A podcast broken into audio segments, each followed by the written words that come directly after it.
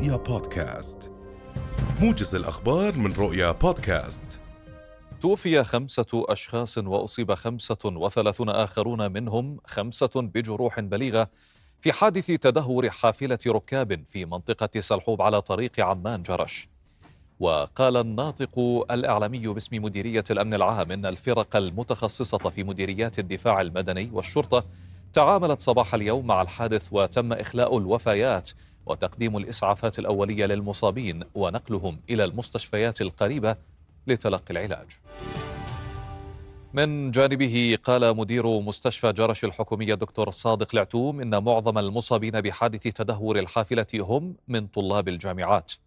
وأضاف العتوم لرؤية أنه تجري في المستشفى إعادة تقييم لحالة المصابين وإجراء العمليات والتدخل الجراحي اللازم لبعض الحالات يعني في حوالي الساعة الثامنة صباحا تم تبليغنا من عمليات الدفاع المدني بوجود حادث سير لحافلة نقل ركاب آه، في آه، منطقة آه، سلحوب.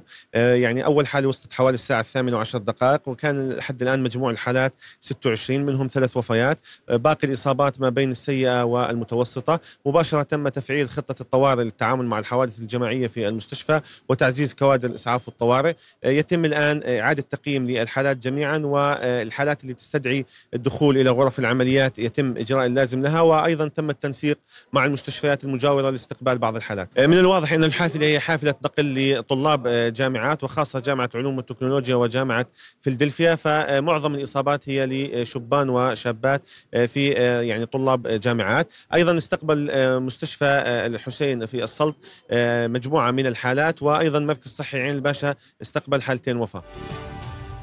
هذا وقال محافظ البلقاء فراس أبو قعود لرؤيا إن الحافلة تعرضت للانزلاق على النزول الحاد في منطقة سلحوب التي تشهد تساقطا للأمطار مؤكدا أنه سيتم بحث مخاطر هذه الطريق لوضع حلول مرورية دائمة لها.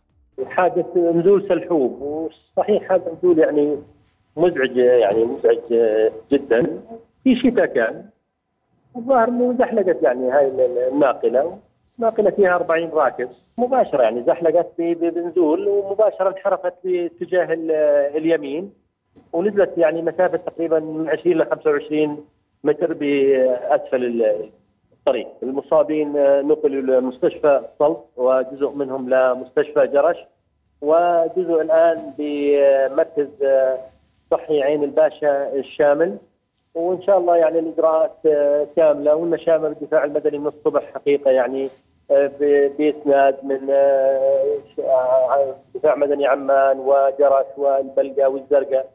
وكلهم يعني فزعة يعني شخص واحد لهذا المصاب يعني. الله يرحمهم اللي توفوا. لليوم الثاني يواصل جيش الاحتلال الإسرائيلي اقتحام جنين ومخيمها. وللوقوف على التفاصيل ينضم إلينا عبر الهاتف مراسلنا حافظ أبو صبرة. أهلا بك حافظ. ضعنا في تفاصيل هذا الاقتحام لليوم الثاني على التوالي. نعم محمد هو عدوان مستمر في سياق آه، آه، يعني العملية الانتقاميه التي ينفذها الاحتلال في مناطق الضفة الغربية. والإعلام العبري يقول بأنه يستهدف ما أسماها بعاصمة الإرهاب في الضفة الغربية ويقصد مخيم جنين. رغم أن العملية تتسع جغرافيا عن نطاق المخيم تشمل المدينة ككل وبعض القرى حتى في المحافظة. آه، ما يجري داخل المخيم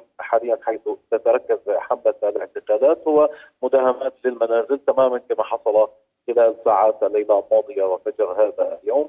المداهمات مستمرة من منزل إلى آخر وعبر كل الحارات والأزقة في داخل المخيم وبالتزامن مع هذا جرى الإفراج عن عدد كبير ممن اعتقلوا خلال يوم أمس والليله الماضيه بعد التحقيق معهم في مركز سالم القريب من قرية رمانة إلى الغرب من مدينة جنين.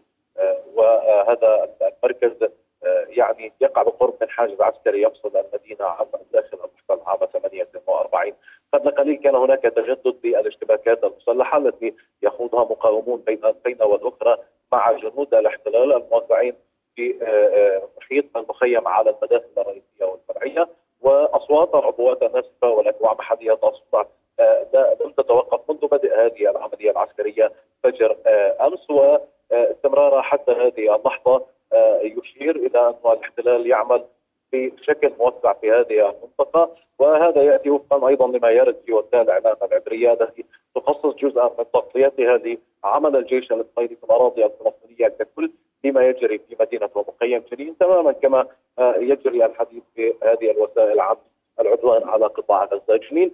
آه، حتى اللحظه قدمت سبع شهداء منذ فجر أمس وهناك سبعة إصابات وصلت إلى مشافي المدينة. خمسة منها في مستشفى ابن سينا فيما حصار وإغلاق محيط مستشفى جنين الحكومي مستمر أيضا لليوم الثاني على التوالي وسط عملية إعاقة لحركة مركبات الأسعاف وتنقل الطواقم الطبية بين قسم الطوارئ ومختلف الأقسام الأخرى رصدنا أمس أكثر من مرة إطلاق القنابل الغازية صوب داخل آه، آه، حرم المستشفى وتاثر وإصابة عدد من المرضى ومن مرافقيهم وأفراد الطواقم الطبية. أشكرك حافظ أبو صبرة مراسلنا من جنين كنت معنا. أعلن جيش الاحتلال الإسرائيلي اليوم مقتل عشرة من جنوده وضباطه بينهم قائد كتيبة وقائد قائدا سرية في المعارك الدائرة في قطاع غزة وقال جيش الاحتلال عبر موقعه الرسمي أن عدد قتلاه ارتفع إلى 444 منذ السابع من أكتوبر الماضي مشيرا إلى أن 115 جنديا وضابطا قتلوا منذ بدء العمليات البرية في قطاع غزة. وقال جيش الاحتلال في وقت سابق إن أكثر من عشرة في المئة من جنوده الذين قتلوا في قطاع غزة قضوا بنيران صديقة بينما قضى آخرون في حوادث متنوعة. كشفت تقديرات للأمم المتحدة أن نحو أربعين ألفا من مباني قطاع غزة أو تقريبا خمس التي كانت موجودة قبل العدوان تضررت كليا أو جزئيا منذ السابع من أكتوبر الماضي. وتشن قوات الاحتلال الإسرائيلي حملة جوية وبرية ضد قطاع غزة المحاصر ما أجبر نحو مليون وتسعمائة ألف شخص لمغادرة منازلهم ما يشكل 85% من السكان. واستندت هذه التقديرات إلى صور لمركز الأمم المتحدة للأقمار الاصطناعية حيث فحص محللون صور أقمار اصطناعية عالية الوضوح لرصد المباني المتضررة. ومثل هذه التقديرات ربما تقلل من حجم الدمار الفعلي لأنها لا تظهر جميع الأضرار التي لحقت بالمباني. وأظهر التقييم أن المناطق الأكثر تضررا تتركز في محافظتي غزة وشمال غزة حيث تضرر فيهما نحو ثلثي أو ثلاثين ألف مبنى كليا أو جزئيا. في غمرة استهداف غارات الاحتلال مواقع مختلفة في قطاع غزة غرقت. خيام النازحين جنوب القطاع مع استمرار تساقط الأمطار. وسط معاناة لا تنتهي. في هذه الأثناء نحن متواجدين في الساحة الخلفية لمستشفى شهداء الأقصى حيث هنا تم نصب عشرات الخيام بل مئات الخيام من قبل المواطنين الفلسطينيين الذين نزحوا من مدينة غزة هنا إلى المحافظة الوسطى هربا من القصف الإسرائيلي العنيف على شمال مدينة غزة ومدينة غزة، حقيقة النازحين هنا تعرضوا هذه الليلة لأجواء باردة وأمطار غزيرة جدا تم تم غرق عدد كبير من منازل المواطنين فيها. في هذه الأثناء كما تشاهدون المواطنون حتى يحاولون قدر الاستطاعة أن يحتموا من هذه الأمطار الغزيرة في هذه الخيام البسيطة والتي اقتلعها الرياح بالإضافة إلى الأمطار التي يعني غمرت هذا هذه المنطقة وهذه الخيام هنا يحاولون الناس بالوسائل البسيطة جدا آه، تدبير أنفسهم في هذا الوضع الصعب، حجي الحمد لله على سلامتكم. الله يسلمك يا رب. كيف وصفي لنا الوضع الآن عندكم في المطر وفي والله الوضع مأساة الصراحه يعني الوضع صعب جدا جدا. يعني الشتاء بتشتي على قد على الخيمة والخيمة غير صالحة كمان نقعد فيها كمان. كيف قضيتوا ليلتكم اليوم؟ وش بنسوي؟ طلب شوية كل شوية من هنا من هنا زي ما انت شايف ها زي ما انت شايف المية. إيش بنسوي؟ كيف الأطفال؟ كيف والله عيانين أقسم بالله جوا عيانين مرمين جوا بالفراش زي ما انت شايف حتى يعني المعاناة هنا صعبة جدا يعني إحنا نازحين من غزة ونتمنى نتمنى من الله ان نرجع نرجع على غزه إن شاء الله. إذا لقينا بيوتنا كمان أساسا نحن البيوت كلها انقصفت عندنا نتمنى من الله نكون إحنا يعني إيش أمنيتكم أنتم كعائله يعني الآن موجودين في ظل هالوضع في ظل هالمطر في ظل هالشتاء. والله إحنا أمنيتنا إحنا أول حاجة نرجع على غزة ونهيئ في الظروف تاعتنا صح انه مش هنلاقي لنا بيوت هناك لكن كوننا نوعا ما يعني بكون راحتنا في بيوتنا. نحط خيمة ونقعد عليه قبل الحرب كنتوا بتحبوا الشتاء؟ والله بصراحة كنا نحب الشتاء. يعني ليش إحنا قاعدين في بيت مسكر علينا مغلق؟ شباب يمكن مسكر باب مغلقه علينا؟ حرامات دفايات عندنا كل شيء. لقيت لا دفايات ولا في رسالتنا إحنا والله نرسلنا يعني إنه يعني يقفوا أهل يعني العالم كله في ظل الحصار اللي إحنا بنمر فيه في غزة إنه يوقفوا وقف الحرب على غزة.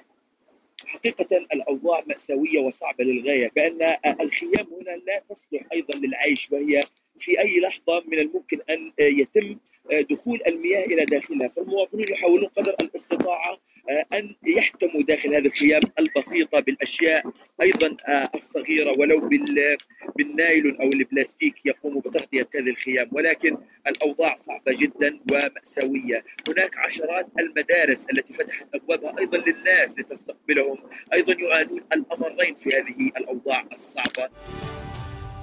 نقلت صحيفة وول ستريت جورنال عن مسؤولين أمريكيين وصفتهم بالمطلعين أن جيش الاحتلال الإسرائيلي بدأ بضخ مياه البحر إلى مجمع الأنفاق التابع لحركة المقاومة الإسلامية حماس في قطاع غزة.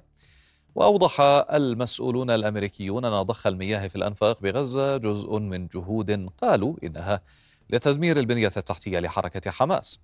وأشاروا إلى أن غمر أنفاق الحركة يمكن أن يستغرق أسابيع وأنهم قلقون من أن يعرض أو يعرض استخدام مياه البحر لإغراق الأنفاق إمدادات المياه العذبة للخطر. من جهته قال متحدث باسم وزير حرب الاحتلال إن عملية الأنفاق سرية ولا يمكن التعليق عليها. اعتمدت الجمعية العامة للأمم المتحدة قرارا يطالب بوقف فوري لإطلاق النار في قطاع غزة لأسباب إنسانية وبضمان وصول المساعدات الإنسانية. وأيدت مشروع القرار 153 دولة وعارضته عشر دول وامتنعت عن التصويت 23 دولة. ويشير مشروع القرار المقدم من 21 دولة عربية إلى رسالة الأمين العام إلى رئيس مجلس الأمن في السادس من الشهر الحالي بموجب المادة التاسعة والتسعين من ميثاق الأمم المتحدة. وكان رئيس الجمعية العامة للأمم المتحدة السفير دينيس فرانسيس قد استأنف عقد الدورة الاستثنائية الطارئة العاشرة حول الأعمال الإسرائيلية غير القانونية في القدس الشرقية المحتلة وبقية الأرض الفلسطينية. أكد جلالة الملك عبد الله الثاني أن الأردن يستضيف ما يقرب من أربعة ملايين لاجئ من جنسيات مختلفة بما في ذلك حوالي مليون وأربعمائة ألف سوري مشيرا إلى أن اللاجئين يمثلون بالمجمل أكثر من ثلث سكان الأردن البالغ عددهم نحو أحد عشر مليون نسمة. وأضاف جلالته خلال كلمة في المنتدى العالمي للاجئين في جنيف أنه لا يمكن أن يدير الأردنيون ظهورهم للاجئين لأن ذلك يتنافى مع صميم هوية الأردنيين الذين يشعرون بشكل متزايد بأن العالم يدير ظهره لهم ويتجاهل جهودهم كمستضيفين للاجئين. وقال إن منح الملاذ الآمن للاجئين جزء لا يتجزأ من المبادئ الوطنية الأردنية خصوصا في هذه المنطقة المضطربة. ودعا جلالته المجتمع الدولي إلى أن يدرك أكثر من أي وقت مضى أن الحلول المؤقتة لم تعد ممكنة. وأن الأزمات العالمية تستوجب التشارك في تحمل المسؤولية على المدى الطويل. قال الرئيس الأمريكي جو بايدن إن إسرائيل بدأت تفقد دعم المجتمع الدولي بقصفها العشوائي على غزة والذي أدى إلى استشهاد آلاف المدنيين الفلسطينيين وطالب بايدن في فعالية لجمع التمويل لحملته الانتخابية في واشنطن رئيس وزراء الاحتلال بنيامين نتنياهو بتغيير حكومته المتشددة وتابع أن الحكومة الإسرائيلية تعارض حل الدولتين مع الفلسطينيين. وصلنا لختام هذا الموجز في أمان الله.